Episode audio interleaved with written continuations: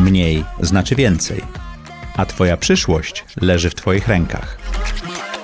Zaprojektuj swoje życie z Motorola Razer 5G i osiągnij sukces. Cześć, witajcie w kolejnym odcinku audycji Zaprojektuj swoje życie. Właśnie nam stuknęły dwa latka, to niesamowite. Niedawno był setny odcinek, to się wydaje jakby to było wczoraj, a tutaj już dwa lata od kiedy emitujemy. Przygotowaliśmy dla Was zupełnie inny odcinek niż zwykle. Odcinek, w którym pokażemy Wam, a zresztą co ja będę opowiadał. Oskar Kościański, witamy Ciebie. Oskar współpracuje z nami już pół roku? Pół roku, od, Pół roku. od września. Tak, Oskar właśnie obudził się o trzeciej rano, wsiadł do samochodu, potem do pociągu i dojechał tutaj, żeby nagrać ten kawałek. Opowiedz, co to będzie za odcinek. To będzie taki odcinek, w którym będą zebrane wszystkie takie najlepsze części z różnych odcinków do, przez te dwa lata całe.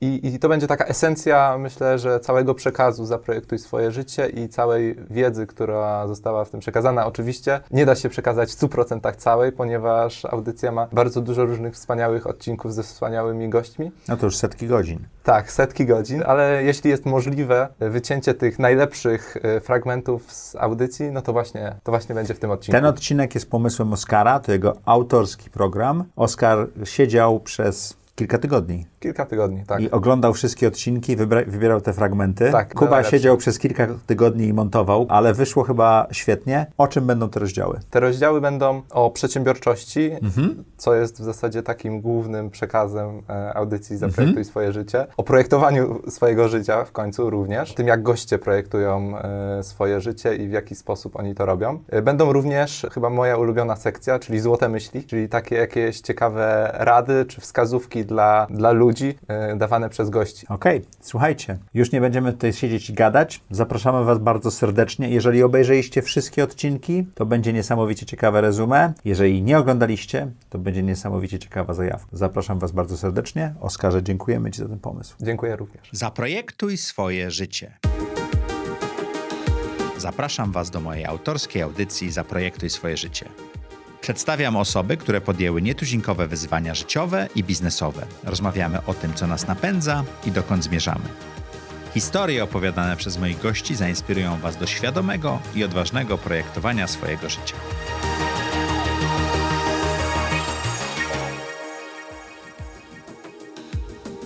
Czy warto projektować swoje życie? Od czego zacząć?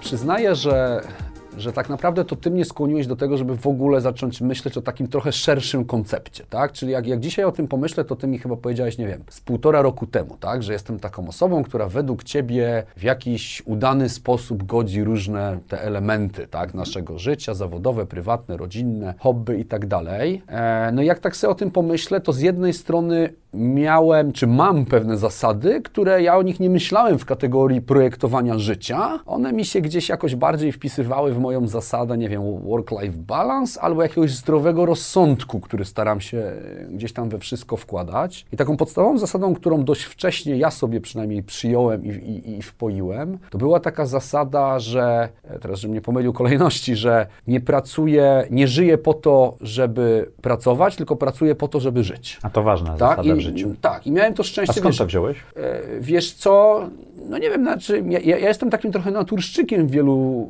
jakby sytuacjach i, i, i- strasznie wierzę i bardzo często to powtarzam, że, że, że strasznie niedocenianą umiejętnością to jest po prostu wykorzystanie zdrowego rozsądku. Wszyscy go posiadamy, tylko rzadko chcemy z niego korzystać. E, Ja zacząłem karierę zawodową w 2000 roku, no i to były ciężkie czasy na rynku, tak? Pracowało się, wiesz, niezliczoną 60, ilość godzin, 70 tak, godzin. niezliczoną zliczoną ilość godzin, często weekendy i tak dalej. I oczywiście pierwszy tam, nie wiem, rok, dwa, już teraz tak dokładnie nie pamiętam, ja strasznie w to jakoś wpadłem, wiesz, przybrałem na wadze straszliwie i tak dalej, i tak dalej. No i jakoś dałem się w to włapać, złapać, ale, ale po, po, do, dość szybko miałem tą refleksję, że, że to nie o to chodzi, tak? Że jakby ja nie muszę tutaj pracować w jakimkolwiek miejscu, jeżeli to mi nie odpowiada, jeżeli to się zamienia właśnie w takie gonienie i, i, i, i, i, i w to, że całym sensem mojego życia staje się praca, bo ja się z tym fundamentalnie nie zgadzam, tak? Praca jest jego ważnym elementem. Ale nie podstawą. Ale nie podstawą, tak, ale nie podstawą i, i no i już. W ogóle, żeby coś zaprojektować, no to trzeba mieć jakąś wizję tego. I, i myślę, że jeśli bym mocno się cofnął i tak e, reflektując na, na, na, na takie pytanie, to taka wizja swojego życia, ona się zmienia, trochę z wiekiem, trochę z doświadczeniem i e, szczerze mówiąc, są długie momenty, kiedy nie wiem, czego chcę. I teraz w projektowaniu tego życia to trzeba zacząć szukać. A czy teraz jest taki moment, że nie wiesz, czego chcesz, bo jesteś pomiędzy, czy już wiesz? Teraz jestem znowu w takim etapie, gdzie coraz bardziej wiem mniej więcej, czego chcę w Okej. różnych obszarach życia. Rozkrobiemy się do tej odpowiedzi później. Dobrze.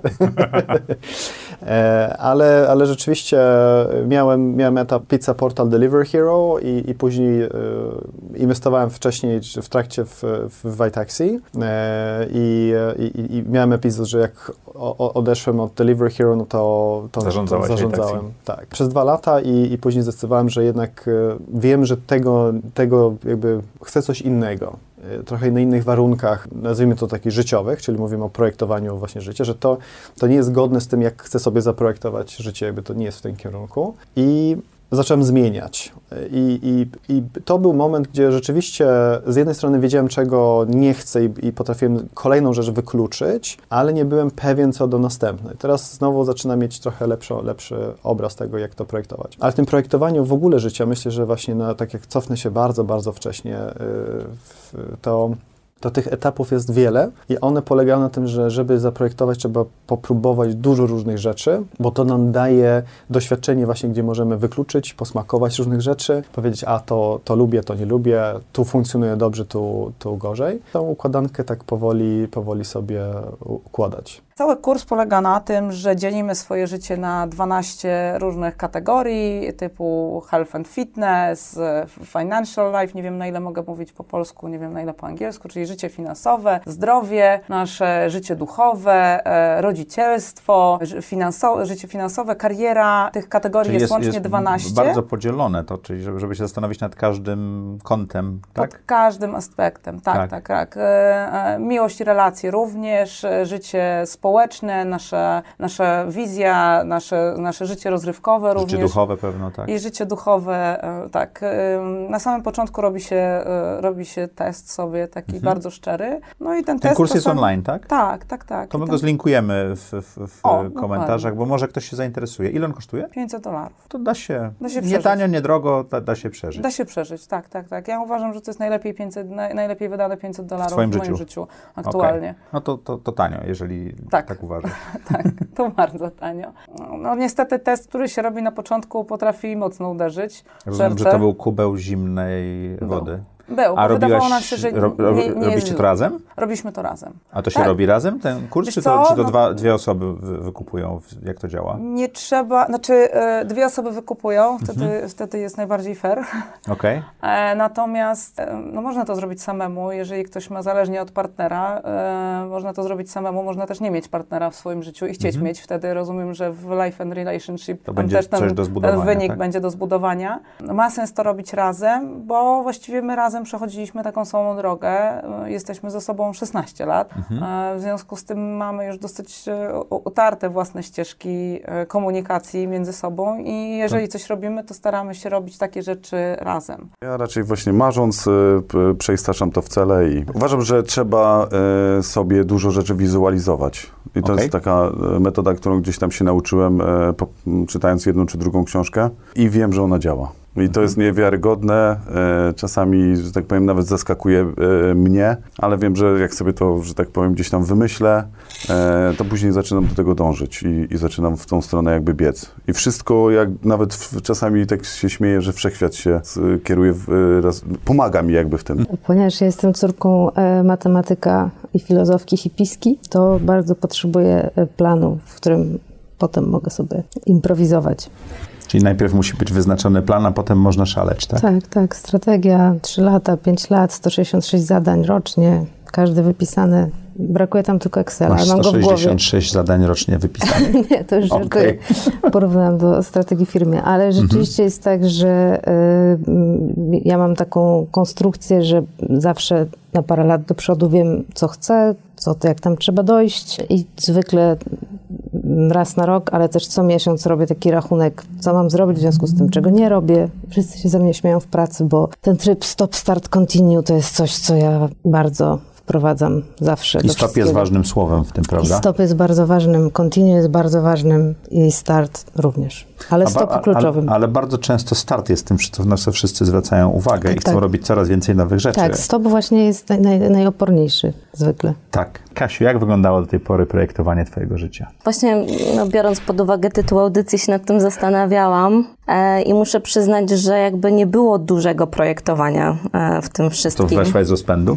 Tak, trochę weszłam z rozpędu. No miałam przypadek i nieprzypadek, tak? No bo, bo e, jakby zawsze lubiłam pracować i byłam ambitna, więc chciało mi się jakby e, robić e, i myślę, że to mnie jakby pchnęło na tą drogę. Generalnie to jest cudowny zawód, ponieważ każdego dnia spotykasz bardzo ciekawe osoby, które są dla ciebie, mogą być dla ciebie e, dobrym stymulatorem twojego osobistego rozwoju, a jednocześnie ta praca nie jest nudna, bo każdego dnia robisz coś innego. Jednego dnia jesteś prawnikiem, bo siedzisz nad dokumentacją transakcyjną, jednego dnia jesteś tym bankierem inwestycyjnym, szukasz... A jednego szukasz jesteś liderem. jednego ten, e, headhunterem, Tak. coachem, e, menedżerem w firmie, tak? E, Tych, tych opcji jest tak wiele, że jak, jak kiedyś próbowałem to na jednym slajdzie pokazać, to jak przy 20 chyba zawodzie, jak zacząłem wy- wymieniać, to, to, to w 21 wpisałem trzy kropki. Nigdy na to nie patrzyłem w ten sposób, ale nawet w startupach to rzeczywiście jest bardzo dużo funkcji. Może Tak. nie, nie wiem czy zawód, ale funkcji, które trzeba spełnić. Tak. I to jest, e, i to jest to, ja mam szczęście, bo robię to, co lubię. Okej. Tak? Nie, nie robię czegoś, co. i- A, a z drugiej strony robię to, i to też chyba z tego, z tego samego odcinka, tak? Robiłbym to również w sytuacji, gdybym nie potrzebował robić tego, żeby mieć na ten chleb z masłem. Bo chcesz i możesz, a nie Tak. dlatego, że musisz zarabiać Tak? pieniądze. I, I tak? to jest interesujące, i stymulujące, i rozwijające, tak? A jednocześnie to się super z twoją audycją super zgrywa, tak? No bo to jednak ma duże korzenie w tym, co kiedyś robiłem. Ucz się od najlepszych, czyli jak założyć startup. I stwierdziłem, dobra, no te trzy lata przeżyję jakoś, Mhm. ale w tym czasie dwa startupy zrobiłem, więc e, W Londynie. tak, tak, zdecydowanie. Okej. W tym czemu- pociągu dobrze mi się kodowało. Czyli siedziałeś w pociągu i kodowałeś, tak? Właściwie Okej. tym się zajmowałem. Kodowałem i Czyli pisałem OS artykuły. Media, tak? Tak, OS Media całe, czyli tam było chyba sześć różnych serwisów. Mhm. Chciałem zbudować taki duży serwis dla technicznych osób, żeby mieli fajne newsy. To się w pewnym momencie w sumie udało. Mieliśmy tam... To OS News był, tak? Tak, OS News to był ten główny serwis, tam mieliśmy chyba milion czy dwa miliony od, od, odsłon miesięcznie. A to Byliśmy już chyba liderem. poważny serwis, W tak? 2008 roku byliśmy chyba liderem w Polsce. I ty to robiłeś w pociągu? No, w, w pociągu głównie tam artykuły pisałem, bo to tak naprawdę był jakiś tam na WordPressie szybko Mhm. postawiony serwis, jakiś tam jeden tylko plugin napisałem tak naprawdę. Więc głównie to był content, to było tworzenie kontentu, zarządzanie ludźmi. Ale żeby- jadąc do tak. roboty, tworzyłeś content do ser- Tak, serwisu. To, to był efektywnie startup. To jak się pojawia pomysł na serwis, którego używa później ponad milion Polaków codziennie, czy tam co miesiąc? Pi- O pierwszy raz ten pomysł mi ześwitał w trakcie e, jednej z delegacji, jak jeszcze pracowałam we, w Izbie. Byłam na delegacji we Francji i ko- i kolega robił jakąś prezentację, kolega, który był moim odpowiednikiem z Czech. I jakoś mnie to zaczęło nudzić, a jak wiadomo, nuda jest takim świetnym, Mhm. prawda, świetną pożywką, świetnym gruntem do tego, żeby coś wymyślić. I tam sobie zaczęłam rozrysowywać, że to fajnie by było, gdyby był coś, tak, Ale coś takiego. obserwowałaś inne serwisy, takie jak Yahoo i tak dalej? Nie, wtedy nie. To, Wtedy, Czyli pomysł był twój. Wtedy, wtedy mi się wydawało, że jest mój, a potem się Okej. okazało, że no on nie jest tylko mój, tylko że istnieje Zagat w Stanach Zjednoczonych. Doczytałam historię Zagata, doczytałam historię państwa Zagat, e, którzy pod koniec lat 90., będąc prawnikami na Manhattanie, e, na maszynie przepisywali kwestionariusze dotyczące restauracji, rozdawali znajomym, zbierali, kompilowali to i tak rozkręcili najpierw przewodnik drukowany, który na pewno doskonale znasz, a potem wszedł internet i przenieśli to wszystko do internetu. Myślałam sobie, hmm, para prawników mogła stworzyć coś takiego. Miałam kolegów, którzy mieli serwis z przepisami kulinarnymi tutaj i ten serwis działał, mniamniam.pl. Myślałam sobie, okej, no tam się udało z restauracjami, tym się udało z przepisami, to może ja też spróbuję, bo to jest coś, co jest mi bliskie i ja wtedy w ogóle recenzowałam restaurację dla jednego z dzienników w Warszawie. Czyli miałaś to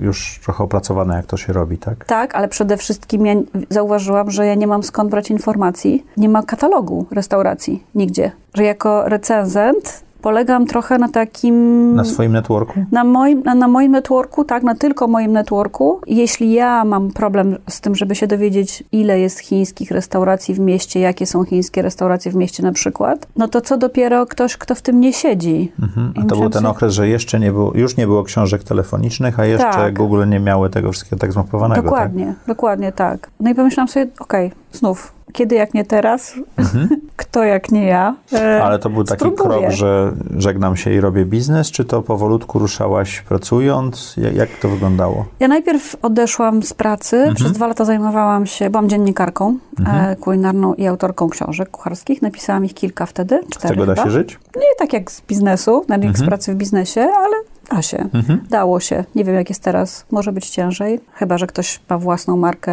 wypromowaną w social mediach i jest, wiesz, I sam wydaje. Tak, tak. Więc y, przez dwa lata robiłam to i ro, robiąc, pisząc, pomyślałam sobie, że jednak ciągnie mi trochę właśnie do biznesu, do stworzenia czegoś swojego i że to jest chyba ten moment, żeby przetestować, czy jakby użyć tych umiejętności, które wyniosłam z Izby i stworzyć własny, własną firmkę. Aczkolwiek ja podchodziłam do tego bardzo ostrożnie. Pomyślałam sobie, spróbujmy. Nie Skąd pomysł na stworzenie własnej marki odzieżowej? W jednej, a potem... Nie miałem kasy. To jest najprostsze ujęcie tego wszystkiego. Jeszcze, jeszcze, jeszcze, przepraszam, e, jeszcze raz przewijamy.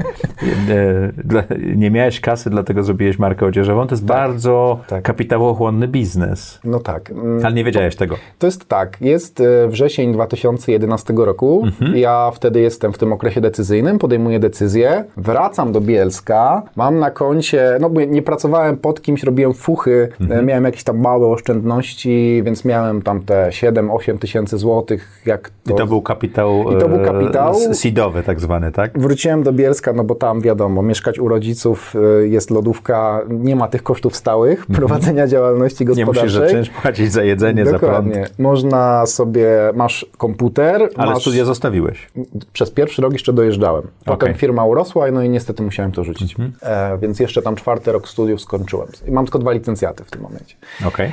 Co, no i miałem trochę tej kasy, jeździłem do Łodzi po jakieś materiały, jakieś takie koszulki. Sam jeździłeś po materiały. Tak, tak, no bo nie, nie wiedziałem wtedy skąd to brać. Zidentyfikowałem hurtownię, dostawców, pisałem do nich, szukałem. Znalazłem sobie jakąś e, szwalenkę, w sensie taki mały zakładzik, nie, kilkuosobowy. W Bielsku? W Bielsku. Pani tam szyła, raz lepiej, raz gorzej. Na początku to były zwykłe koszulki, potem szukałem Jak ścieżek. Przez internet od początku. Okej, Na od początku zrobiłeś tak. na początku to był internet, tylko że to było, nie oszukujmy się, jedna, dwie transakcje dziennie, wiesz, bardzo mały e-commerce w czasach, kiedy e-commerce y, jeszcze nie był specjalnie Mhm. popularny u nas, y, wzrastał dopiero. Pamiętasz ten moment, kiedy ten pomysł do ciebie trafił? Nie, nie, nie To pamiętam pewno był proces. Nie, nie, miałem, nie miałem takiego, nie miałem Eureka Ale rozumiem, że rozrysowałeś I- to i poszedłeś, y, żeby zacząć biznes, tak? Tak, tak. I pamiętam, że na początku rozrysowa- rozrysowałem to, nawet stworzyłem em, jak dokładne, dokładne makiety i spotkałem się z kilkoma klientami, żeby o tym opowiedzieć. I, i chociaż miałem stuprocentową pewność, że, że, że to się przyjmie, ale już zdarzało mi się w życiu, że miałem stuprocentową pewność i zupełnie co innego się na końcu okazywało. Myślę, okej, to jest dość ważna decyzja, jeżeli mam, mam odejść z, z agencji reklamowej, którą kocham i muszę rzeczywiście to potwierdzić. No i, i każdy z klient, z którym rozmawiałem, otwierałem się oczy i mówili, wow, to jest coś, czego Nie wiem, 80% naszych klientów wychodzi przed zakupem, chcielibyśmy do nich dotrzeć, przywrócić ich do sklepu i tak dalej. Bo No aplikacja wtedy- Kosmos y, y, pokazuje detaliście, że byłeś w jego sklepie, prawda? I gdzie byłeś w jego sklepie nawet, tak? Czy, czy, czy, Tak, czy tak, przy szarfach, tak, czy tak, przy tak, torebkach, tak? Tak, tak, tak. Tam jest oczywiście dużo, w, w, uproszczeniu, uproszczeniu tak, mówimy, że na przykład ktoś był przymierzalnie w sklepie Nike, ale nie podszedł do kasy i później możecie sobie pokazać reklamę i później wiemy, czy ta osoba przyszła, czy nie. Mhm. I to jest, to jest bardzo skomplikowane, jeżeli chodzi o samą technologię, żeby mieć dokładność dwóch metrów bez żadnego hardware'u. To jest skomplikowane, żeby pozyskiwać te dane zgodnie z GDPR. Jest i skomplikowane, żeby też wykorzystywać te dane etycznie. Mhm. Etycznie to znaczy nawet coś nie tylko zgodnie z prawem, tylko coś, z, czym też się czujemy. Szcze- czujemy Szczebel wyżej, okej. prawda? Tak, tak. I wiesz, jeżeli Dzisiaj w naszym, nazywam to ekosystemem, jest e, ponad miliard urządzeń, miliard telefonów. Miliard jest więcej- telefonów e, Tak, widzicie, e, co robi? Tak, Miliard. miliard, tak. Okej. Tak, ale to wiesz, to z perspektywy Azji, gdzie w samych Chinach tych telefonów mamy dzisiaj e, dziewię- 900 milionów, to to też nie jest taki, takie, to nie są takie wielkie liczby. Ale wiesz, to jest program w Polsce z perspektywy polskiej. To też jest ciekawe, że starta prosty pomysł w Warszawie dochodzi do takich waluacji, do takich rozmiarów. Tak, to jest dość Tak, niesamowite. my do tego, ta, tak, do tego naszy, naszym celem Naszym celem jest, żeby, żeby na końcu mieć zasięg każdego telefonu na świecie. I to, ale to, to nie jest takie, ten pączkowanie od kraju do kraju, ten rozwój nie jest taki prosty, dlatego że my na każdym rynku musimy mieć lokalnych partnerów, musimy upewnić się, że pobieramy te dane zgodnie z prawem i w etyczny Lokalnym. sposób. Tak, tak, tak, tak, bo te regulacje też są inne. Każdy, za każdym razem te regulacje są zbliżone do, do europejskiego, do RODO, to Mhm. nazywamy, E, I, i, ale są jednak różne. I, to zajmuje, to zajmuje bardzo dużo czasu, żeby to zrobić w porządny sposób. To, to czego ci najbardziej brakowało, jeżeli chodzi o te skillsety, o te zdolności? Bo miałeś świetne korporacyjne, Mhm. potrafiłeś dobrze Mhm. pokazać jakąś inwestycję, policzyć Mhm. coś jeszcze. A, a czego trzeba?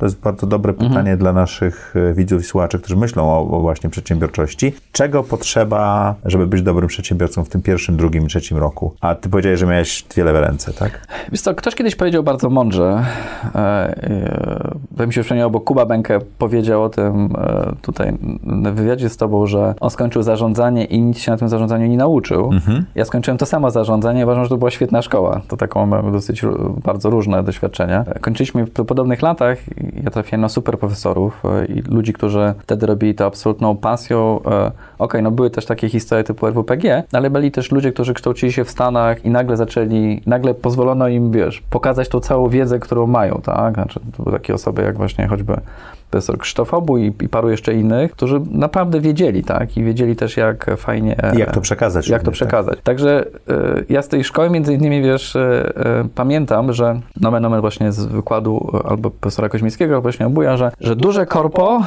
walczą z chaosem, tak? Małe firmy walczą o przetrwanie. I tak rzeczywiście jest. Znaczy, to, czego mi brakowało, to właśnie obniżenie tego poziomu i akceptacji, że ja nie jestem, wiesz, menadżerem, nie jestem kierownikiem, nie jestem wielkim szefem, nie zajmuję się delegowaniem Ale i jesteś- pisaniem. Jesteś przedsiębiorcą, który musi to... Tak po prostu zapierniczam, rozumiesz, jakby trzeba skręcić biurka, to na kolana i śrubokręt, tak? Trzeba pójść robić sprzedaż, to nie ma tak, że nie sprzedaję, tak? Po prostu siadasz Jak nie sprzedajesz, to nie ma sprzedaży. nie jest tak, że zatrudniasz sprzedawcę, tak? Po prostu nikt tego za to, wiesz, jakby na samym końcu nikt za ciebie wielu rzeczy nie jest w stanie zrobić, ale niekoniecznie musisz mieć te kompetencje, tak? Nie każdy jest urodzonym sprzedawcą, tak? Nie każdy dobrze rozumie cashflow. A tu jest tak, że jakby nie da się w małej organizacji wielu rzeczy tak naprawdę delegować, bo nie masz struktur, nie masz tak naprawdę... Ale cashflow na przykład jest dużo ważniejszy niż zysk na przykład w Oczywiście. takiej firmie, tak? Paradoksalnie, w momencie, kiedy ja puściłem to, że chcę mieć więcej pieniędzy i zacząłem robić więcej rzeczy, w które wierzę, rzeczy w, na wszystkich innych polach zaczęły mi wychodzić. I to, że ja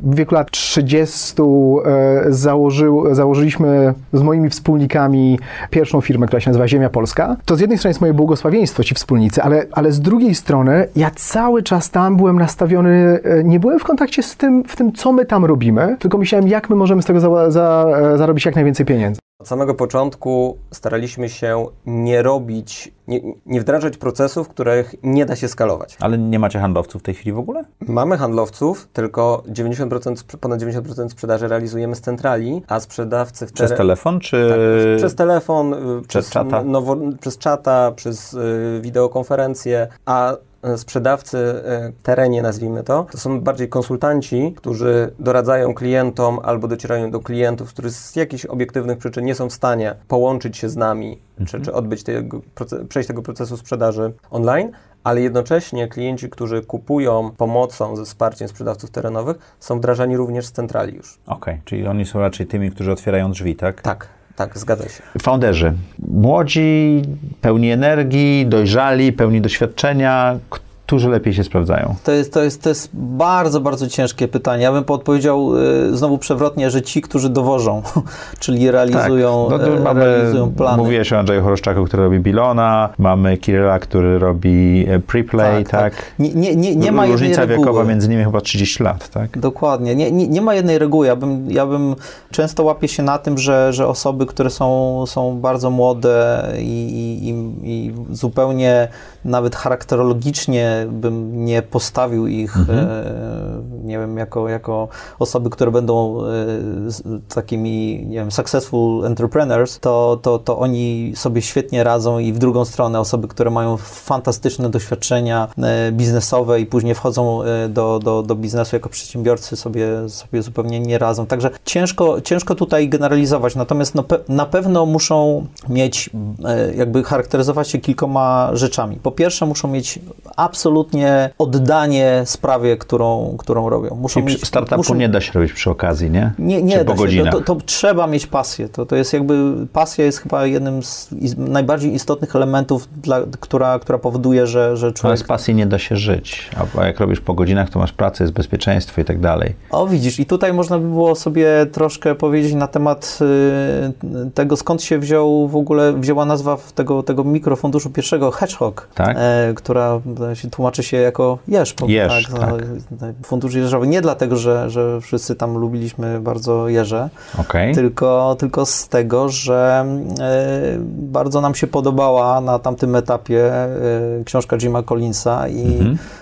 Good to Great, e, i, i o, który, to, który to Jim Collins ukuł taki hedgehog koncept, tak, koncept jeża. Czyli on sobie powiedział, i to jest jedna z rzeczy, którą, którą warto sobie zapamiętać, on ukuł takie, taką teorię, że warto w życiu robić e, rzeczy, które są jakby w trzech obszarach takie spójne. E, Pierwsza rzecz to jest zrobić to, w czym się jest najlepszym na świecie. Czyli po prostu mam wiedzę, mam doświadczenie, mam odpowiednie zasoby, potrafię to robić lepiej niż ktokolwiek inny. Druga rzecz to jest to, żeby robić coś, co mi sprawia przyjemność, co Mhm. jest sexy, że ja Mam pasję. Co, codziennie wstaję z bananem na twarzy, idę po prostu do mojego Market One Capital i robię to, co uwielbiam, absolutnie. Tak dosłownie jest? No, jeśli, bym, jeśli by tak nie było, to już bym tego nie robił. To ja pod tą górkę tutaj biegnę, żeby wejść do tego biura z lat 70., jak ty to nazwałeś, I trzecia żeby rzecz- robić audycję. Dokładnie. A trzecia? I, a trzecia rzecz, no i, i to jest coś, co, co, co, o czym, no, to zabrzmi tak może zbyt, y, zbyt drastycznie, ale trzeba mieć z tego satysfakcję finansową, robić Trzeba pieniądze. umieć zarobić. Tak, i jeśli te trzy rzeczy jakby funkcjonują, to, to wówczas y, od strony biznesowej to jest takie, powiedzmy to Shangri-La i, i, i, i osiąga się spełnienie i sukces. Pewnie warto zacząć od, y, od stwierdzenia takiego, że nie ma, nie ma sukcesu bez porażek. Znaczy nie ma, nie ma czegoś takiego jak, jak y, y, venture capital, fundusz, któremu wychodzi wszystko. Czyli można powiedzieć, że ironicznie rzecz biorąc, bankructwo czy upadek spółki jest ciągle stosunkowo częstym, a, a na wczesnym etapie chyba najczęstszym sposobem exitu No, dla inwestora. y, na, na poziomie tych inwestycji, które ja robię jako anioł biznesu, to jest 70-80% spółek, nie pieniędzy. Absolutnie tak, ponieważ to, co ma znaczenie, to jest podejście portfelowe. Czyli, czyli generalnie rzecz biorąc w modelu venture capital, oczywiście, oczywiście w zależności od tego, na jakim etapie yy, działa fundusz, no trzeba założyć, że kilkadziesiąt procent pieniędzy zostanie zainwestowane w spółki, które, którym nie wyjdzie. Z, Czyli- z różnych powodów. Czyli można powiedzieć, że taka analiza, jak kiedyś tam przeprowadzałem takie analizy, czyli, czyli fundusze działające na przykład w Silicon Valley, które robią inwestycje na poziomie 5 milionów dolarów średnia wartość inwestycji, czyli to jest takie powiedzmy taki mainstream venture capital. 20% dolarów około przez nich inwestowanych kończy się upadkiem spółki. Czyli 20% dolarów jest inwestowane w spółki, którym nie wychodzi, które padają. Znaczy do zera te pieniądze. Do zera. Ale też masz kawał, em, Ale e, uwaga.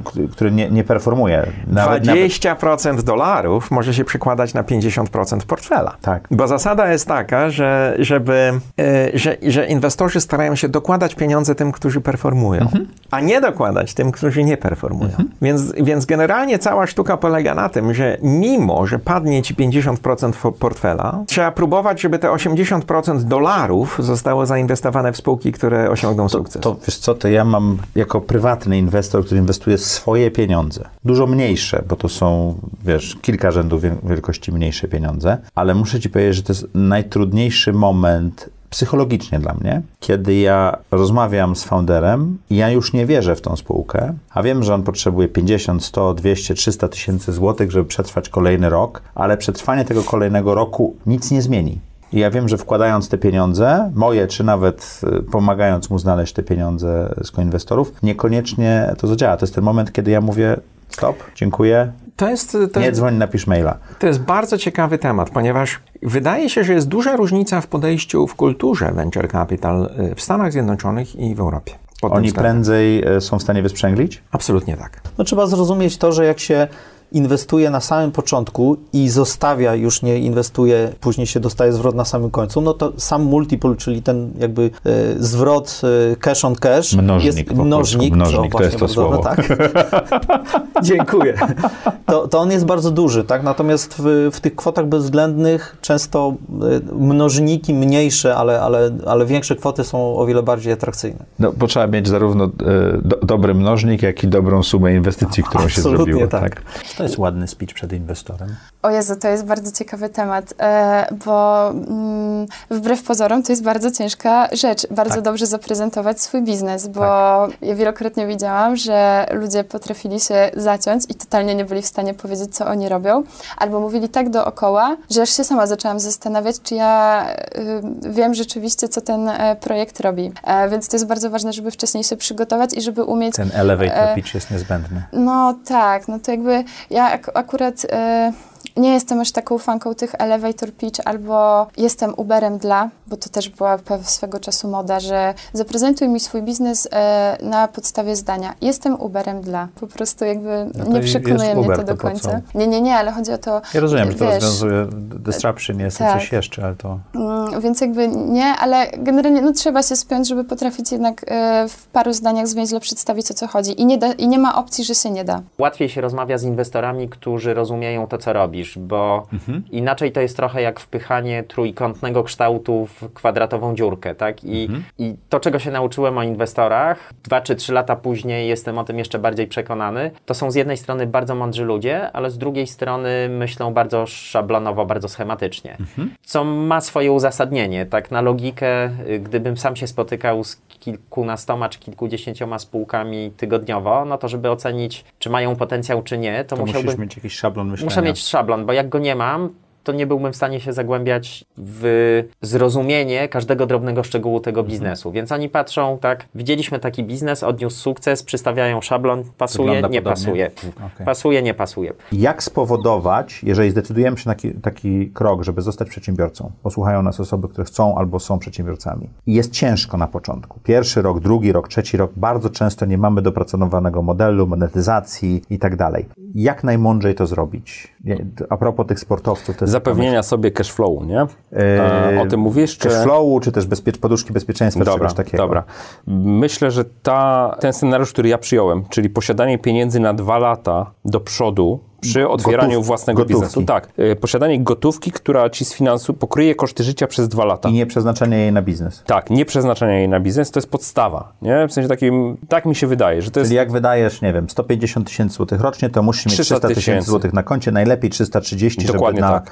jakieś tam... No wiesz, to już, to już są szczegóły, nie? Bo to, Mhm. czy zaczniesz zarabiać po dwóch latach, czy wcześniej, czy po prostu będzie tak, że wiesz, trochę już z biznesu będziesz generował y, zysków, mówię o zysku, ale jeszcze nie tyle, żeby ci pokrywał koszty życia. Więc jakby Mhm. to tempo konsumowania tych pieniędzy, ono się z, powinno zmniejszać w czasie. No bo nie? trochę zarabiasz, tak? Tak, ale to jest, y, to jest pierwsza rzecz, posiadać tą poduszkę. Druga rzecz, i oczywiście im, im niższe koszty życia mamy, no to tym Mhm. ta poduszka może być mniejsza. Druga rzecz, wyznaczyć sobie naprawdę twardy punkt takiego, ja w ogóle miałem tak, taki artykuł, jak pogodzi- pogodzić finanse osobiste i własną firmę, to możemy zalinkować. Zlinkujemy to. Tak, i on jest, y, on bardzo dobrze tłumaczył te zasady, bo druga rzecz, która jest kluczowa, to jest, żeby nie dotować własnego biznesu. Czyli nie przelewać pieniędzy z poduszki na przykład, brakuje nam w biznesie, no to przelejemy, tak? Brakuje nam na, na zapłatę, nie wiem, ZUS-u, to przelejemy. No nie. Jakby załóż, że ileś pieniędzy masz do dyspozycji i ten biznes musi po prostu zarabiać. I ja miałem taką, i trzeci, trze, jeszcze trzecie kryterium, które bym powiedział. Nie musi zarabiać na, kosz, na, ko, na ciebie, ale może niech zarabiać pokrywa na koszty. koszty. Niech pokrywa koszty. I trzecie kryterium to jest, możesz dopuszczać zadłużenie biznesu, jakby posiadanie kredytów inwestycyjnych w biznesie nie jest niczym złym, o ile potrafisz nimi zarządzać, tylko od razu sobie wyznacz, jaki to jest maksymalny poziom. Na przykład, jeżeli na przykład będzie tak, że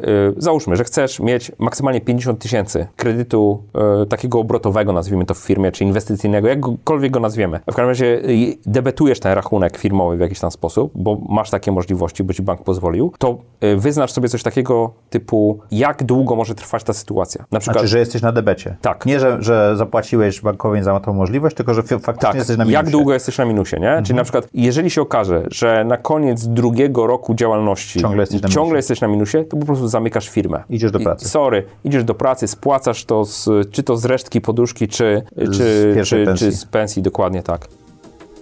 Cel, kariera. Jak nie popełniać błędów i osiągnąć sukces. Czego Ciebie nauczyło praca w takim środowisku z Kuroniem, jako tak młody człowiek i w takim momencie dla Polski? Po pierwsze, to byli ludzie, którzy, którzy jakby wzmacniali wręcz takie poczucie, że jeżeli coś się źle dzieje, to musisz to załatwić. Tak? Znaczy, ty jesteś odpowiedzialny za wszystko, co widzisz wokół siebie. Nie licz na to, że ktoś to zrobi. Tak? Okej. Po I nie, że państwo za Ciebie to zrobi, tak? Po drugie, i w tym Jacek był absolutnym mistrzem, że robisz to zespołowo. I jakby ja od Jacka bardzo wiele, z, bardzo wiele zdobyłem takich nauk życiowych, które pchają mnie potem przez całe życie, tak? Na przykład jedna, która się naprawdę w działalności społecznej się bardzo przydaje. Jacek mówił tak, Szymeczku, pamiętaj, nie wiesz co robić, rozdaj zadania. I to jest... I to działa, bo, bo grupa, grupa będzie wiedziała, tak? Po pierwsze, grupa będzie wiedziała. Po drugie, dajesz sobie czas. To znaczy, najważniejsze jest to, żeby skonsolidować grupę. Grupa się konsoliduje w zadaniach. Jeżeli się rozda zadania, każdy wie, co robi, każdy może się pokazać, każdy zaczyna mieć własną motywację. I rzeczywiście tak jest, jak mówi, że grupa może znaleźć rozwiązanie, ale też kupujesz sobie czas, żeby, żeby, żeby, żeby jakieś rozwiązanie znaleźć, a można je wspólnie wydyskutować. Kolejna rzecz, którą Jacek bardzo poważnie traktował młodych ludzi. I oczywiście, jak ja byłem asystentem, i w ogóle wszystkich ludzi, jak, jak byłem asystentem Jacka, to też byłem jego kierowcą. W związku z tym Jacek się spóźniał na wszystkie spotkania, bo nam zejście 100 metrów, jak wychodziliśmy do samochodu, żeby dojść jakby z... 20 minut, tak? 20 minut, tak? Po prostu ten samochód i po prostu ja już tylko patrzyłem na zegarek, mówiłem Jacek, ale każda spotkana osoba mówiła, panie Jacku i ponieważ on miał coś takiego, że chcieli mu opowiedzieć o swoje życie i on stawał i słuchał i nic go nie, jakby ten człowiek ten najważniejszy. Od Jacka można się było nauczyć tego, oczywiście to nie jest tak, że on traktował zdanie młodego człowieka tak samo jak ministra, tak? No, a wtedy był ministrem, pracował z Leszkiem Balcerowiczem, no to byli ojcowie założyciele nie tego kraju, w jakim żyjemy, ale kawałku, kawałka Europy. To Jacek e, i to go wyróżniało spośród wszystkich wtedy takich e, wi- wi- wi- wi- wi- wi- wi- wielkich postaci z Solidarności czy intelektualistów, że on taką samą wagę przykładał do słuchania, niezależnie od tego, kogo słuchał. Przechodząc ulicą Świętokrzyską, i to nie, jest, to nie jest legenda, tylko tak było, wszedłem po prostu do Ministerstwa Finansów i się Tak, spytałem... z ulicy. Z ulicy. Wtedy nie było żadnej ochrony, Mhm. no bo stara władza, że tak powiem, była w rozsypce, nowej jeszcze nie było. No powiedzieli, no minister Balcerowicz tam na wyżej, tak. I wszedłeś z ulicy do... do... Wszedłem, do, wszedłem do gabinetu Balcerowicza, do sekretariatu. W sekretariacie miła pani e, powiedziała mi, że niestety pana premiera nie ma, e, ale jest jego zastępca. I tak trafiłem do Marka Dąbrowskiego, Okej. któremu się przedstawiłem jeszcze raz. Powiedziałem, co robię. A on mówi, super, potrzebujemy takich ludzi. E, jakbyś mógł zrobić, wtedy byliśmy jeszcze per pan, takie opracowanie w wolnym czasie, to, to i to. No i ja wróciłem do, do Niemiec, napisałem. Przyjechałem znowu na początku października e, na takie ważne, trafiłem na takie ważne spotkanie już zaproszony przez Marka Dąbrowskiego i przez Stefana Kawalca, który był dyrektorem generalnym, taką prawą ręką Balcerowicza w e, Ministerstwie Finansów, e, na spotkanie w Konstancinie e, poświęcone gospodarce którą będziemy budo- budowali, organizowaną przez... e, 81? 89 rok, to był 89. początek października. Czyli to jeszcze nie... nie, E, okej. e, przed, czyli przed planem Balcerowicza, ale była grupa, e, grupa posłów z klubu e, e, obywatelskiego, która e, no, była zainteresowana, tak? Niektórzy e, profesorowie, osoby zainteresowane. Wtedy też e, poznałem, e, pierwszy raz się spotkałem z Jackiem Kuroniem. No i tak wsiąkłem, tak? W którymś momencie... e, Czyli przeprowadziłeś się do Polski? E, przeprowadziłem się, ale nie od razu. Ja byłem, Mhm. miałem to szczęście, że moja uczelnia powiedziała, no dobrze, na trzy miesiące dajemy ci e, e, urlop, później na kolejne trzy, no i w, w połowie osiem... Uczelnia rozumiała, co robisz też, E, tak? Uczelnia rozumiała, co robi. Mój e, promotor e, powiedział, jak się go spytałem, co sądzi, prawda, no bo to by oznaczało opóźnienie zakończenia pracy doktorskiej albo w ogóle e, zrezygnację. On mówi, panie Kostrzewa, wie pan, ilu jest doktorów na świecie, a ilu osób ma, ile osób ma szansę zmieniać totalnie gospodarkę e, i wywracać ją do, do góry nogami. No i powiedział, jedź pan, tak. E, Także uczelnia straciła e, cierpliwość po 18 miesiącach, ale to, to- był ten, to- to- był to ten, długo. to był ten okres, który umożliwił mi dojście do wniosku, że moja przyszłość na pewno jest w Polsce. Jeszcze przez wiele lat latałem między, między Warszawą a Mhm. Berlinem, bo wtedy już mieszkałem w Berlinie. Moja córka się w Berlinie urodziła, ale to był już moment, kiedy, kiedy miałem ważne pierwsze zadanie biznesowe po tym, jak e, przygoda w Ministerstwie Finansów Polski Bank e, Rozwoju. e, się kończyła, czy skończyła, to był Polski Bank Rozwoju. To jak y, po McKinsey'u człowiek znajduje się w Rocket Internet? To jest takie, wiesz, twoje, twoja ek, ek, ekwilibrystyka z każdą zmianą pracy staje się coraz bardziej wyrafinowana. Wiesz co, to jest tak, bo wydaje mi się, że najpierw pierwsze pytanie to jest, jak się odchodzi z McKinsey'a. Nie? Z hukiem? Raczej nie, Okej. ale to jest bardzo trudne. Bo, Bo klatka jest złota? bo, bo klatka jest złota, bo w McKinsey'u za chwilę masz coś. Masz albo premię roczną, albo awans, albo jakąś nową odpowiedzialność na projekcie. Zawsze masz za chwilę coś, co jest bardzo fajne. Czyli te I- cele, do których biegniesz yy, ciągle One są już za dwa kwartały, one są już za kwartał i lepiej jest odejść jako associate niż jako junior associate, a lepiej jest odejść jako junior manager niż jako associate. Tak, bo lepszą robotę dostaniesz w ogóle, tak? I tak dalej, więc nigdy nie ma dobrego momentu, a jak już jest ten dobry moment, to za chwilę jest bonus roczny, to tym bardziej nie warto, nie warto odchodzić. Jak długo byłeś w McKinsey'u? Około półtorej roku. Mhm. No to szybko wyszedłeś. Krótko. To głównie wynikało z tego, że ja chciałem się rozwijać w tą komercyjną stronę, a robiłem dużo innego typu projektów i polskie biuro niestety nie dawało takiej elastyczności, że możesz sobie robić tylko tego typu projekty. Ja o to walczyłem, tam Mhm. wybierałem sobie projekty za granicą w miarę możliwości i, i to mi się udawało robić, a to wciąż było 50-50. A polskie biuro jest E, jeszcze ciągle małe, więc tam były takie projekty, jakie były na dzisiaj, rynku, prawda? Dzisiaj, dzisiaj jest duże, i, znaczy ale dzisiaj to wtedy było. rząd wielkości większej i wydaje mi się, że to jest dużo, dużo tym względem, dużo bardziej można sobie dopasować Mhm. do tego, co się chce. Właśnie no, biuro w Londynie było takim przykładem, że jak się decydowałeś, że chcesz robić marketing, to robić tylko marketingowe na Mhm. przykład projekty. I stąd gdzieś tam podjąłem taką decyzję, że, że będę wychodził i zacząłem już pracować nad takim tematem, że, że będę wychodził z tego McKinsey'a. Wewnątrz McKinsey'a. I nie, Na na zewnątrz. zewnątrz. Lądowałeś w Orężu, a z Oręża przeskoczyłeś do Doliny Krzemowej i ten przeskok mnie bardzo zaintrygował, no Tak. bo to jest, to byłeś dwudziestokilkulatkiem, E, No tak. który po pracy w kilku firmach w Polsce i w dużej korporacji nagle wylądował na drugiej półkuli. Myślę, że to jest wbrew prostsze? pozorom, myślę, że wbrew pozorom to dużo prościej jest niż, niż się wydaje, dlatego że myślę, że to jest dość klasyczny model, Mhm. w którym realizujesz jakiś projekt e, i w tym projekcie poznajesz kolejnych ludzi i ci ludzie uważają, że zrobiłeś ten projekt dobrze albo źle.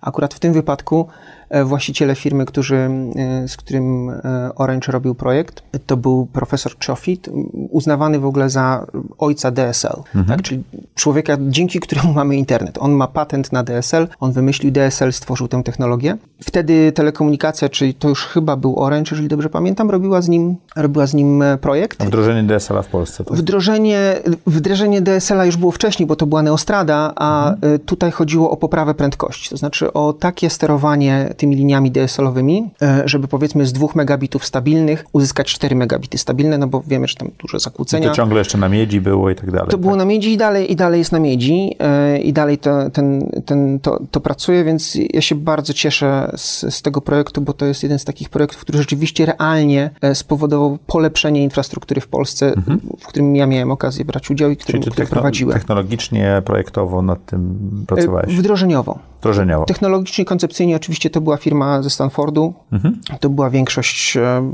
gości, powiesz, Electrical Engineering, PhD ze Stanfordu, także creme de la creme inżynierii. E, I to był olbrzymi zaszczyt pracować z nimi, a projekt dostałem w sumie, już można o tym mówić, bo to wiele lat minęło, ale jest jakiś projekt, nie za bardzo wiadomo, co on ma robić. Idź się zajmij, tak? Mówisz po angielsku? To dosłownie w ten sposób? E, Już jeszcze wtedy, jeszcze wtedy tak było. To był 2000, piąty, szósty A to rok. wtedy jeszcze, Jeszcze mówienie tak- po angielsku było ważną Tak, rzeczą. jeszcze, jeszcze tak było, więc, więc go po prostu zrobisz.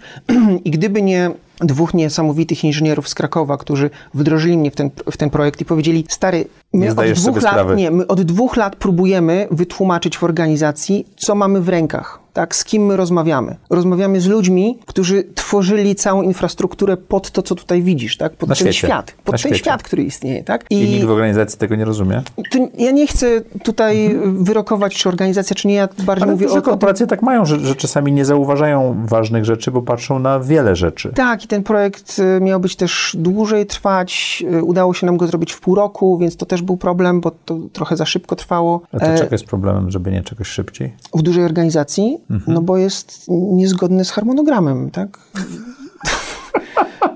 Powiedziałeś coś bardzo ważnego na początku Mhm. te, tych, tych maczania nóg, Mhm. że ty się przygotowałaś do tego Mhm. finansowo i Mhm. mentalnie, żeby móc eksperymentować. Mhm. Możesz trochę o tym opowiedzieć? Tak, to jest bardzo ważna rzecz. Mam sporo znajomych, którzy y, do mnie dzwonią w momencie, kiedy chcą zrobić shift w karierze, bo myślą, że jestem nic. takim przykładem, że, któremu się udało. Y, I mówią tak, hej, wiesz co, no mam 6 miesięcy wypowiedzenia, także akurat na tym wypowiedzeniu przez te 6 miesięcy coś tam sobie zbuduję. To jest w ogóle nierealne. Ty też pewnie dobrze to wiesz. No ja jestem piąty rok i, i, i jeszcze bywa różnie. To nie jest tak, że jak mam 3 miesiące wypowiedzenia czy 6 miesięcy wypowiedzenia, to ja zbuduję coś, co jest sensowne w tym czasie. W ogóle nie ma opcji. Trzeba mieć na dwa lata odłożone pieniądze co najmniej to jest optymistyczny I miałaś scenariusz. tyle pieniędzy odłożone? Tak, no jakby praca w spółkach Skarbu Państwa ma swoje plusy, więc y, tak, y, miałam y, odłożony i wiedziałam, że to będzie tak, że y, na, na początku chciałam ten rok, tak, więc mówię, myślałam sobie ten rok, to zrobię sabatika, bo mówię, to nie było, nie, nie było tak u mnie i też nie, Ale nie, miałeś nie miejmy inwestycje, wszyscy... które dla Ciebie pracowały, czy miałeś normalnie oszczędności? Miałam oszczędności, Okej. trochę jakieś tam mieszkania, tak jak to oczywiście bywa. E, natomiast e, to też nie jest tak, że ja te, to, to, co dzi- dzisiaj mam, po tych prawie siedmiu latach, to ja nie miałam tego zaplanowane od day one. To też ewoluowało. No nie jest tak, że ja poszłam, ja poszłam na roczny sabbatical. Ja nie poszłam na to, że już nigdy nie, wrócę do korporacji. Ja, ja, ja to nie? zrozumiałem, że, No. że ty nie miałaś takiego. Tak, nie miałam że gotowego Spróbuję, planu. co się wydarzy, to mówiłaś Mhm, o tym. mhm. Jestem przygotowana finansowo i mentalnie. Tak. Jak się przestraszam, to Tak. wsadzę nogę tu czy Tak, tam. Ja tak, tak, opisuję tak, też tak, swoje tak, tak, doświadczenia, tak, tak, ale mam tą poduszkę finansową, że Tak. mogę eksperymentować, tak? Tak, zawsze może na nawierzy sprzedam jedno mieszkanie, tak? Jak kolejny będę chciała Tak. rok posiedzieć gdzieś e, Czyli na, na bezrobociu a tak to jest, zwanym. ak- to jest akurat ważne, żeby to zrozumieć, bo ja Tak. podobnie jak ty mam e, panów prezesów, którzy Mhm. przychodzą, ja chciałbym tutaj wyjść z korporacji Mhm. i coś jeszcze, ja mam, pytam się, jaki masz burn rate i ile masz oszczędności, tak? Drugą rzeczą, którą moim zdaniem bardzo warto podkreślić, która bardzo y, potrafi poturbować kogoś, kto był na wysokim stanowisku, to jest jak zmienia się twoja pozycja. Tak, tak, nie masz już tej To strasznie naklejki. boli, no, zwłaszcza to boli ego, że w momencie, ja byłam dyrektorem marketingu przez wiele lat z jednym z największych budżetów na tym rynku. Ludzie przechodzili na drugą stronę ulicy, żeby udać, że mnie przypadkiem spotkali. Y, nigdy nie było tak, żebym zjadła lunch za swoje pieniądze. To było tak, że byłam niezwykle popularnym, mm, potencjalnym bankomatem dla ludzi i to było też ciekawym dla mnie sprawdzianem, e, gdzie mam rzeczywiste relacje, bo nagle było tak, pierwszy raz od wielu lat, że pisałam do kogoś maila, żeby się spotkać, ktoś mi nie odpisywał. To jest duży sprawdzian dla, e, dla ego. Mój telefon ucichł. Tak. Sebastian Mikosz opowiadał mi kiedyś właśnie, że, że tak było, Jak tylko on nie był na to przygotowany, a dzięki tej rozmowie z nim ja byłem totalnie przygotowany. Tak. Też tak było, że twój telefon Tak. przestał dzwonić. pewno. Absolutnie Przez tak. miesiąc czy dwa ludzie dzwonią, żeby Tak. zapytać, co będziesz robić. Tak, czy przypadkiem nie będziesz w innej korporacji, znowu nie będziesz przydatny, czy przydatna, E, także to jest też trudne. Ale to fajnie odsiewa ym, znajomych, bliskich i dalekich i przyjaciół, prawda? Zadzwonił do mnie właśnie profesor Czofi z pytaniem, czy ja nie chciałbym takich samych projektów, jak w Polsce zrobiliśmy, bo to był pilot. Mhm. E, oni wdrażali to w AT&T, a to był pilot, który wdrożyli w, pierwszy w Orange'u i to był bardzo ważne, żeby się to udało i zapytał po prostu, czy ja nie chciałbym tych samych rzeczy, które zrobiłem e, w TEPSie, w, w TEPSie, w telekomunikacji polskiej, przez pół roku zrobić po prostu w Europie. Y, pracując z nimi. Pracując z nimi, pracując I- dla, nich, dla nich. e, dla nich w, w Europie, e, więc no, to nie była decyzja, to nie było kwestii dyskusyjnej. I co jest też fajne, już kończąc ten wątek orange'owy, że ten projekt e, chyba po dwóch czy trzech miesiącach też dostał, został nominowany do tych Orange Star Awards e, projektów, czyli takich I odpowiednie najbardziej- osoby dostały nagrody. na pewno odpowiednie, bo bez tych osób na pewno by Tak. się też to nie wydarzyło, ale Mhm. to jest taka moja osobista, to jest, to jest ważny element e, dla mnie, że udało się pracować w ten sposób z takimi ludźmi, zarówno po stronie e, Orange'a, jak i, jak i po stronie To jest Azji. ciekawe, czyli, czyli to jest ten prąd rzeki, o którym mówiliśmy. Mityczne stworzenia i jak je znaleźć. Work-life balance i sprawdzone sposoby na jego osiągnięcie. Powiedziałeś bardzo mądrą rzecz o o dniu i o skupieniu się na rodzinie i takim balansie i tak dalej, jak, jak się tym dzielisz ze swoimi znajomymi z biznesu. Jak do tego doszedłeś, żeby, ten żeby tego balansu było w życiu więcej? To Wiesz kwestia co? nowego związku, czy, czy dojrzałości po zakręcie? Oczywiście, że, że mm, gdzieś tam nowe życie, czy, czy nowy partner życiowy w, w takich sytuacjach e, ma, katalizuje pewne, e, Mhm. pewne zachowania. Natomiast to jest kwestia też, jakby nie patrzeć, wieku. Ja już mam czwórkę z przodu Mhm. i na tym świecie od kilku lat nie ma kilku moich kolegów, z którymi studiowałem, kolegów z biznesu. Okej, bo pędzili tak bardzo, że- e, że- Bo pędzili i tak się zapędzili, że... Że dotarli do mety pier- nie do mieli, mety piersi. Tak, do, do mety pierwsi. Nie mieli czasu zadbać o swoje zdrowie, nie mieli czasu pójść e, na jakieś badania, żeby zdiagnozować e, jakieś dolegliwości i te dolegliwości ich zabijały, więc mm, i wiem jak żyli, więc gdzieś tam żyli tak jak ja żyłem. Uwierz mi, wczoraj miałem spotkanie z osobą, która dla mnie pracowała i e, już nie pracujemy, ale no, spotkaliśmy się na kawie i ja pytam, e, jak, e, jak się układa biznesowo, prywatnie. Padło niecenzuralne słowo, ja mówię, ale dlaczego? Mam raka. 30 plus. I powiem Ci, że po To takiej ciągle jest rozmowie... trochę loteria, nie? Loteria, natomiast zawsze jest jakiś, e, jakiś powód. A robisz sobie takie health checki regularne? Tak, ja co dwa lata robię sobie, kładę się w szpitalu i robię do tego wszystkie możliwe badania, Mhm. A ta osoba właśnie na to nie miała czasu i e, przypadkowo zdiagnozowała tą chorobę i gdyby nie poszła na przypadkowe okresowe badania, to do dzisiaj by o tym nie wiedziała. A, a rak by się rozwijał. A rak by się rozwijał, więc na, dzisiaj ma szansę i będzie walczyć o swoje życie, ciężka operacja e, przed nim, ale mm, jest szansa. I jak na ciebie wpłynęła taka rozmowa? No niestety muszę powiedzieć, że to nie jest pierwsza rozmowa tego typu, którą w życiu odbyłem i to tylko mnie utwierdza w tym, że naprawdę pogoń za miejscem na liście tego czy innego mm, e, tygodnika, e, czy liczenie e, sobie zer na koncie sytuacji, w której nie masz szansy się wydać nawet jednej setnej Do końca e, do końca swojego życia, e, żeby to życie jakoś spędzić, to jest najwyższej miary głupota. I cieszę się, że tylu głupków mamy w Polsce. Dlaczego bo, się cieszysz? Bo ich przykład e, wpływa na ludzi takich jak ja, Okej. których, którzy uczą się na tym e, przykładzie, by tak nie postępować. I dzisiaj już widzę po kolegach, rówieśnikach, którzy żyli jak ja, dziś zaczynają żyć inaczej. Dziś bardzo wiele osób zaczyna po prostu żyć, a nie No ja patrzeć... na emeryturę w wieku 45 lat, ale No to jest właśnie. zupełnie inny Rafał niż rozmawialiśmy na Malcie. Muszę powiedzieć, że to No jesteś tak, zupełnie no, ale inną osobą. rozmawialiśmy kolego 5 lat temu chyba, no. Nie, to już było z 8 lat temu chyba. Naprawdę? 9. Tak, starzy jesteśmy. Nie pogrążaj mnie, no. No właśnie, więc e, Czyli, ja uważam czyli to za pewien, głupotę. pewien balans, ale dalej pędzisz do przodu biznesowo. E, tak, ale już nie mam ciśnienia, żadnego ciśnienia, że, że muszę. Ale to wynika z układu, z funduszem i tak dalej, czy to wynika z, z twojego własnego projektowania życia, jak ja bym to E, nazwał? Ale nie projektuję życia, no projektuję swój plan na najbliższe dwa lata. O. To planu na ścieżki strategicznej na dwa lata. Tak, nie, to jest, uważam, to zawsze jest w naszych rękach. To możesz y, nie iść do pracy, jeżeli cię na to stać. Mhm. Możesz nie prowadzić biznesu, jeżeli też wiesz, że na to cię stać i twoje oczekiwania konsumpcyjne zawieszasz na jakimś poziomie, który jest wystarczający, tak? Natomiast możesz oczywiście harować 20 godzin e, na dobę w niewiadomym celu tylko po to, żeby pomnażać swój majątek. Żeby kubka robiła się większa. Co to daje? To zależy od osoby. Między rzeczami, które dają mi wyzwanie, Jak adrenalinę. osiągasz i- balans? Nigdy go nie osiągasz, możesz walczyć. To, to tak. Okej, jak zarządzasz tym, żeby ten, czy walczysz o ten balans? Świadomie pomijam rzeczy, które mnie go pozbawiają, na które mogę mieć wpływ. Czyli joy of missing out, tak? Tak, tak w największym skrócie. Jakkolwiek filozoficznie to, to zabrzmiało. zabrzmi. Tak, ale jeżeli masz ciężki tydzień i bardzo dużo kontaktu z ludźmi, to może wyjście na imprezę i rozmawianie z ludźmi do czwartej rano i, i wszystko, co się z tym wiąże, niekoniecznie da ten balans. To cię przegnie jeszcze bardziej w jedną stronę, tak? Pokazując No bo potem masz tego typu 48 godzin na z, zrecoverowanie tak. się, tak? No to, to wiesz, to znowu nie są jakieś unikalne historie. Jakby myślę, że, że wszyscy się z tym, z tym zmagają. I a propos czucia głębiego, głębokości, ta osoba mi, e, widząc to, co się dzieje, e, podsunęła książkę e, Business Harvard Review, wydaną tam parę lat temu, chyba dziewiąty rozdział. Spotkaj się sam ze sobą na Okej. godzinę. raz w tygodniu. Ja to robię od 11 lat. Na czym polega Twoje spotkanie ze sobą? Na odłożeniu telefonu, komputera, nie biorę żadnej gazety ani książki, siadam, nie, nie, nie, nie przemieszczam się też. Nie chodzę ani nie podróżuję. E, Siadam w takim miejscu, które nie do końca musi być od razu e, jakąś izolatką. E, Jest to zazwyczaj kawiarnia, jeżeli jest ładna pogoda, to idę sobie do parku, usiąść na ławce i zaczynam ze sobą rozmawiać. Najpierw się pytam, Mateusz, how are you? Okej. Jak się masz generalnie? Po Czy polsku wszystko rozmawiasz, jest... po angielsku czy miks? E, Po pierwsze rozmawiam e, e, sam ze sobą, nie wypowiadając słów na głos. Ja rozumiem.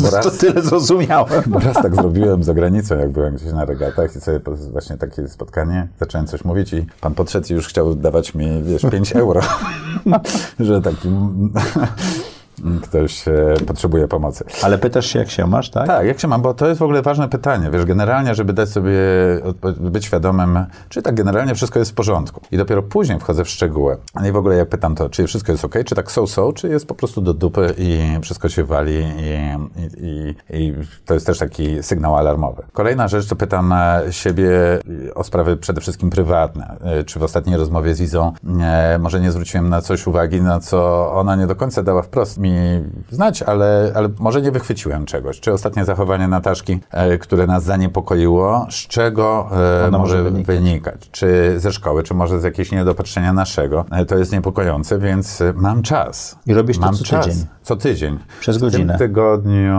było to w poniedziałek. Umówiłem się, miałem wpisane to do kalendarza od 13 do 14. W przyszłym tygodniu będzie to środa.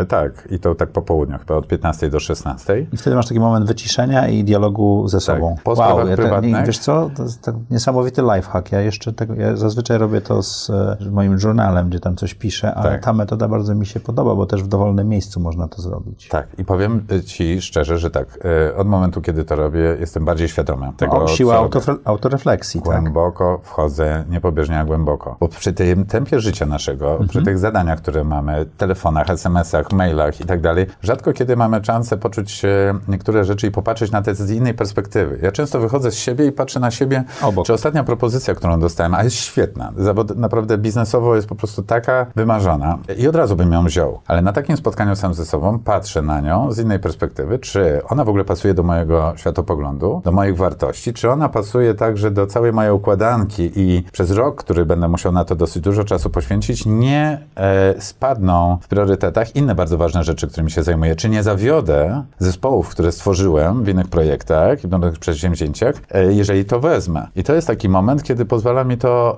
e, podjąć mądrą decyzję. Bardziej mądrą i taką wyważoną. Co było najlepszą decyzją, jaką podjąłeś w życiu? Kupno psa. Wow, dobre. Wiesz, tych decyzji było bardzo dużo, jakby nie chcę wchodzić w jakieś strasznie prywatne historie, bo to pewnie Dobrze, nie, ale nie dlaczego kupno psa było jedną z lepszych decyzji w twoim życiu? Bo daje mi bardzo dużo takiej czystej radości i spokoju. Z życia? Tak, i w ogóle Okej. wiesz, Jakiego jak, psa? jak, jak się, mam go peta. Okej. Hart angielskiego. Jak chcę się wyłączyć na chwilę właśnie idziesz na z- biznesu, to idę na spacer. Te spacery, które mi się na początku wydawały, że będą wyzwaniem i znojem, Są są, czymś, na co absolutnie czekam. Ale bo masz komórkę wyłączoną, wtedy jesteś z Mam psem? włączoną, ona jest dość dynamicznym psem, ona potrafi biegać do 50 na godzinę i Tak. jakby ona absorbuje moją uwagę mocno, więc nie mam telefonu, jak z nią jestem. Czyli masz moment, w którym jesteś. Tak, tak. Ilekroć próbowałem użyć notatnika, to się gubiłem w nim. To znaczy to w ogóle że- zero struktury, Saigon i tak dalej. No i tam poleciły mi dwie osoby bodajże Bullet Journal, więc kupiłem książkę Bullet Journal Method tego gościa, który to wymyślił i no i no nie miałem. Znaczy to jest magia, totalna magia i wdrożyłem Działa? to w siebie. Działa nie, To nieprawdopodobnie. jest prosta metoda, prawda? Bardzo prosta, e, ale wiesz, ta- książka właśnie nie mówi o samej metodzie, tylko bardziej o tym, jak zmienić można życie stosując ją. Czyli to właśnie sam fakt eksternalizacji różnych rzeczy, to, że prowadzisz ten journaling i, i, i wypisujesz tego loga dziennego, bardzo dużo zmienia w Twoim e, życiu. A Dla mnie naj, największym odkryciem tego jest to, jak, jak się czujesz. Że każdy dzień kończy mi się tak jak piątek, powiedzmy, nie? I ka- każdy następny dzień zaczyna się tak jak sobota. Ja wiem, wiele ludzi, jak pracuje w jakiejś firmie, to zna to uczucie piątkowe, że nagle coś ci zeszło już z głowy, wiesz, że jest weekend. e, A przez to, że i zapiszesz, Wiesz dlaczego? przez Dlatego, to, że, że zapiszesz, to znika? Dokładnie. Znaczy w moim przypadku tak było i wiele ludzi tak opisuje, że tak jest. Z tego względu, że jeżeli coś masz w, w, spisane, wiesz, że to tam jest i wiesz, że jest ustrukturyzowane i wiesz, że jest zaplanowane, to mózg przestaje to analizować, przestaje na niego istnieć. To dla, dla mnie to jest to zjawisko właśnie piątku, nie? że wiesz, że już nie masz nic na, na, na sobotę, wiesz, że wszystko jest ogarnięte, bo dopiero w poniedziałek będzie problem. Nie? I to cię uwalnia od tego właśnie stresu, który się okazuje, że mamy permanentny, e, związany właśnie z tym, czy czegoś nie wiemy, czy jest, czy na pewno, czy, czy zostało zrobione, czy nie zrobione. Jak masz kilka firm, to w ogóle jest to bardzo trudne i cholernie frustrujące.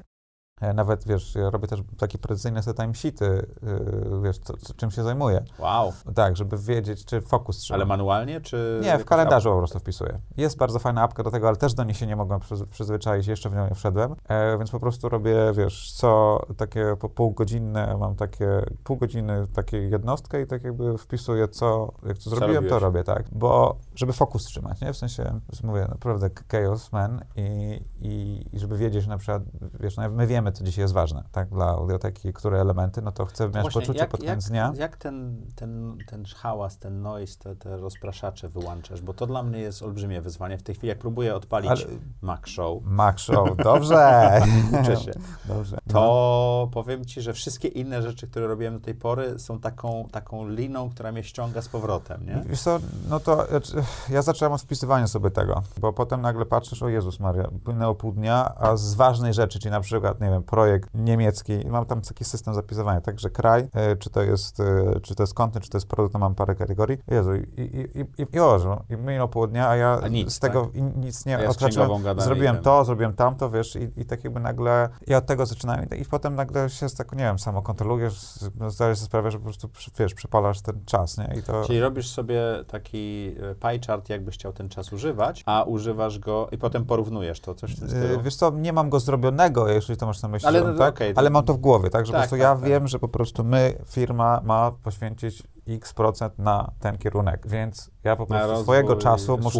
co w na- Niemczech, Dokładnie czasu tak, i jeżeli na to tyle nie poświęcam, tak, no to to coś, widzę. znaczy, to znaczy, Okej. to nie, no to i robię to w, sposób, wiesz, dzienny, nie miesięczny, nie kwartalny, tylko robię to po prostu Czegoś na się bieżąco. nauczyłem, muszę zacząć to robić. Trzeba się śmiać, inaczej człowiek by zwariował. Tak powiadał Terry Pratchett. Wy- Wyproszenie kogoś z baru, kto jest za bardzo pijany, bez awantury, jest dużym skillem, większym niż sprzedanie mu e, biznesu, moim zdaniem. Zgadzam się, zgadzam się całkowicie. Nie wiem, czy próbowałeś kiedyś to zrobić. tak? Próbowałeś. Jestem mentorem, czy jakby to nazwać, dla, dla Ile foundera. czasu to ci zajmuje? Nie wiem, nie podliczyłem. Okej. Ale na tyle dużo, że wszystkie spotkania zaczynam skracać do maks 30 minut, oprócz wizyty u Ciebie. Bardzo dziękuję. Bardzo dziękuję. Co chciałabyś, żeby e, nasi widzowie i słuchacze zapamiętali z tej rozmowy? Zanim przyjdą do ciebie, żeby przemyśleli swoje życie. To goście, Tak. którzy będą. A Tak. widzowie i słuchacze? Y, no również, Żeby przemyśleć żeby swoje życie. przemyśleć swoje życie, gdzie by chcieli być za 10 lat, bo to jest bardzo trudne pytanie. Ja nie zadaję za 10 lat. Nie, ja nie do końca A za prawie, 3 że- to jeszcze gorzej. Moment, w którym powiem, że jestem od czegoś ekspertem, to jest taki moment, kiedy powinnam chyba przejść na emeryturę albo zająć się czym innym. Przyszedłem na emeryturę 5 lat temu, wiem co to jest. Znaczy tak, Stefan strasznie źle płacił. Okej. E, Poprosimy Stefana o komentarz, tym, tym, ale w sensie e, za mało czy za późno? Z- Nie, za mało, nie, płacił Okej. na czas, ale po prostu mało. No, Okej. takie, taka była też filozofia i też jakby ten biznes tak działał, że było dużo ludzi, dużo studentów, dużo się wsypało, ale w końcu było dostarczane, Mhm. nie? I to było niesamowite, że jednak ta, Ma, ta masa była w stanie to zrobić, tak? tak, a jednocześnie, że wszyscy się czuli super z tym. Ja muszę powiedzieć, bo jak zapraszałem e, Julka tutaj do audycji, to e, bardzo trzeba było długo go przekonywać, a w końcu mówię, że e, wiesz, no to już niedługo będzie 90 odcinków i ty powiedziałeś, i dopiero teraz mnie zapraszasz? Z czym jako startup mam przyjść do ciebie, żebyś chciał się pochylić i zainwestować? No to trochę zależy, kim jesteś. Mhm. Ja w ogóle inwestuję, jak się okazuje, w ludzi po prostu, których ty y, zapraszasz do tego studia. E, Okej. Więc myślę, że po prostu będzie... Czyli e, zapraszamy do audycji Zaprojektuj swoje życie, można tak zrobić. Inspiracja, motywacja, rozwój. Nasi goście radzą. Jest bardzo ciężko powiedzieć, co, co jest lepsze, tak? To, to, to dopiero po, po, po fakcie można ocenić, czy to, jest, e, czy, czy to jest lepsze niż to, co mogłoby być, albo odwrotnie. Warto, warto gdzieś mieć w głowie tych ambasadorów Holbeina, że to, że dzisiaj nie jesteś na tapecie, a ktoś inny jest, to wcale nie jest tragedia, tak? I, i warto, warto po prostu robić to, co się lubi. Ja mam, ja mam naprawdę to wielkie szczęście z tego, że, że od 20 lat robię to, co lubię. i, i mi się to nie zmienia, tak? I codziennie uczę się Nie czegoś masz nowego. potrzeby bycia na tapecie. No, to może wiesz, to, to brzmi trochę sarkastycznie w swoich ustach, będąc tej w audycji, ale, ale tak, ale tak, ja nie potrzebuję takiego aplauzu za to, co, za, za to, co robię, nie? Anna Rottenberg kiedyś pięknie powiedziała: Widzisz to, co wiesz. I to tak na dobrą sprawę opowiem. Czyli mówi, im więcej wiesz, tym więcej widzisz. I to tak na dobrą sprawę mówi wszystko o tym, jak się, jak się odbiera, odbiera sztukę.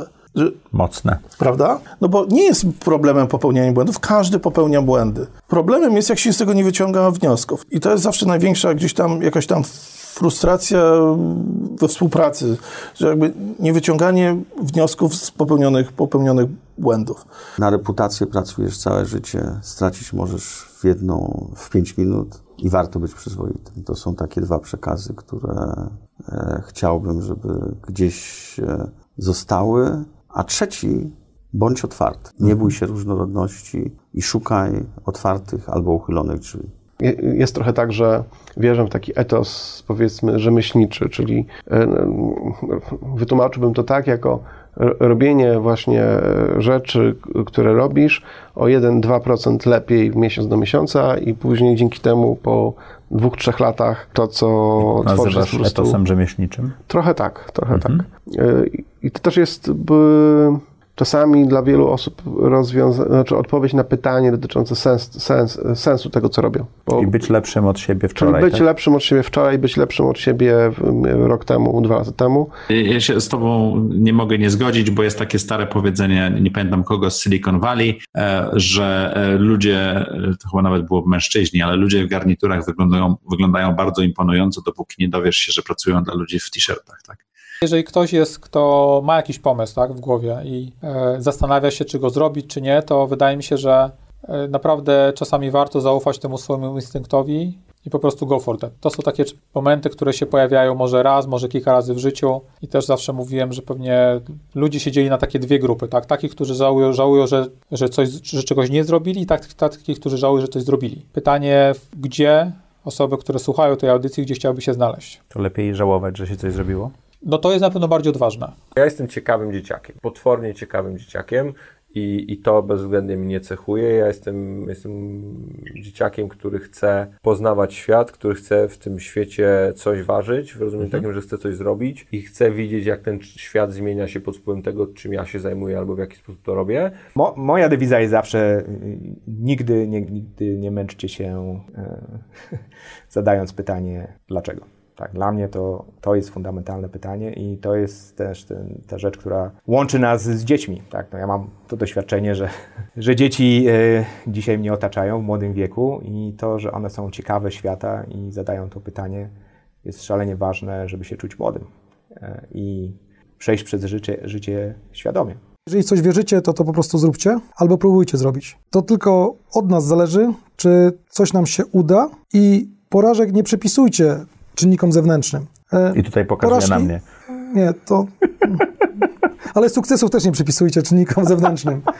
To od was zależy, czy od nas zależy, czy coś nam się uda. Jeżeli coś się nie udaje, to to jest nasza wina. Nie świat jest zły, nie ludzie są nam nieprzychylni, nie, że ktoś nam robi na złość. Może się znaleźliśmy w niewłaściwym czasie, niewłaściwymi ludźmi, może się otoczyliśmy złymi ludźmi, ale to jest nasza wina, że tam się znaleźliśmy. Tak więc y, ja z takim w każdym razie, z taką filozofią, czy z taką, z taką myślą działam i to, że to zdecydowanie ułatwia. Nie szukam uzas- uzasadnienia czy, czy wytłumaczenia e, na zewnątrz. Często ukrywamy o sobie prawdę, bo mamy wyobrażenia o tym, kim powinniśmy być. A to założenie mówi nam, że jeszcze nie jesteśmy wystarczający, że ciągle musimy się wstydzić, że ciągle musimy albo kogoś udawać, albo tuszować o sobie prawdę. Nie możemy być w pełni ekspresywni, nie możemy się w pełni rozwijać, Co nie jest prawdą. co nie jest prawdą. I wystarczy tylko i wyłącznie uzbroić się w odwagę i być sobą autentycznie. Do tego potrzebna odwaga, żeby się w pełni spełniać. Słuchaj, co chciałbyś, żeby nasi słuchacze z tej audycji i oglądacze z, kanału YouTube'a zapamiętali najbardziej? Żeby robili rzeczy po swojemu. Okej, bo? Bo to jest frajda i największa satysfakcja. Bardzo często ludzie jednak mają cały czas problem z porażką, brakiem sukcesu. Z tym, że podejmując się szaleńczej misji stworzenia startupu, budowy firmy i tak dalej, Polska ma zakorzenione, Polacy mają bardzo zakorzenione głęboko to, że fail, porażka To jest coś, co jest tak negatywne, że trzeba się tego wstydzić, siedzieć w domu, płakać w poduszkę, już nigdy nie podejmować podobnych prób. Amerykanie mają zupełnie coś innego zakodowane i to wynika z tego, że no, rozumie się samo przez się, że trzeba podjąć ileś tam prób wejścia na tą górę. Nie każda z nich musi skończyć się powodzeniem, ale każda z tych prób, wejście nawet na połowę tej góry, na jedną trzecią, daje Ci doświadczenie. I to jest praktycznie jedna z najważniejszych rzeczy, które człowiek się dowiaduje w życiu. Jak pewne rzeczy nie robić, to jest wiedza, której się nie zdobywa pomocą książek. Tak jak się być zakochanym, to jest bardzo wewnętrzne uczucie, którego ty musisz się nauczyć rozpoznawać, interpretować, przede wszystkim odczuwać i też się oddawać, nazywać. Tak samo jest z porażką. Nie można powiedzieć, że ja takich ludzi nie lubię. Nie lubię ludzi, którzy wchodzą, mówią, zróbmy to i to, im się udaje. I to jest jeden, drugi, trzeci, piąty to jest biznes. kwestia szczęścia też. No więc właśnie to jest kwestia szczęścia między innymi. Jeżeli ktoś ma szczęście przez całe życie i nagle to szczęście go opuszcza, to nagle się okazuje, że ten człowiek nic nie wie, nie potrafi, bo urodził się złotą czy srebrną łyżką w buzi, ma dużo pieniędzy na koncie, ale nie wie, jak to powtórzyć. To, to nie są dla mnie ludzie, którzy są dla mnie ani dobrymi przywódcami, ani przede wszystkim nie są ciekawymi ludźmi, bo oni to robią automatycznie.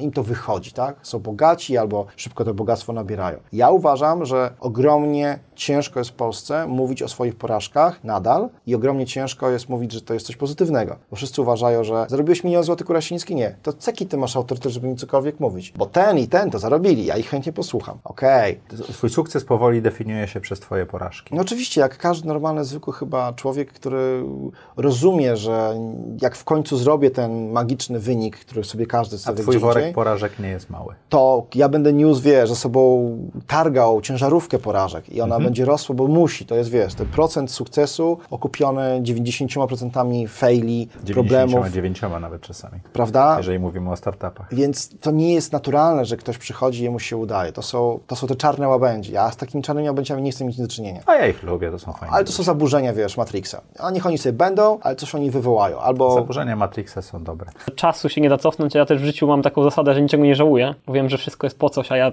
po prostu czasami nie wiem jeszcze po coś to jest, ale z perspektywy czasu, jak ktoś mówi, wykres można czytać tylko wstecz i zawsze każdy Okej. jest mądry, mądry wstecz, więc y, ja też się nie staram się patrzeć, nie staram się oceniać swojej przyszłości, tylko patrzeć, co mogę zrealizować po prostu swoim czasem. To jest y, dokładnie też to, co ty powiedziałeś, ale to chciałam powiedzieć, że to jest te koszty. y, Im, im wyższy cel, tym wyższe koszty tegoż celu.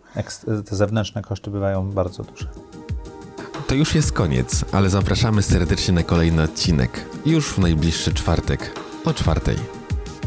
Hej, no mam nadzieję, że Wam się podobało i te wszystkie złote myśli o przedsiębiorczości zostały z Wami. Jeżeli tak, nie zapomnijcie, trzeba było dać lajka, zrobić komentarz. Dajcie znać, który fragment na, najbardziej Wam się podobał. Oskar, Twoja myśl na koniec dla widzów? Projektujcie mądrze swoje życie. O, i w ten sposób kończymy. Do zobaczenia czwartek o czwartej w naszym trzecim roku już.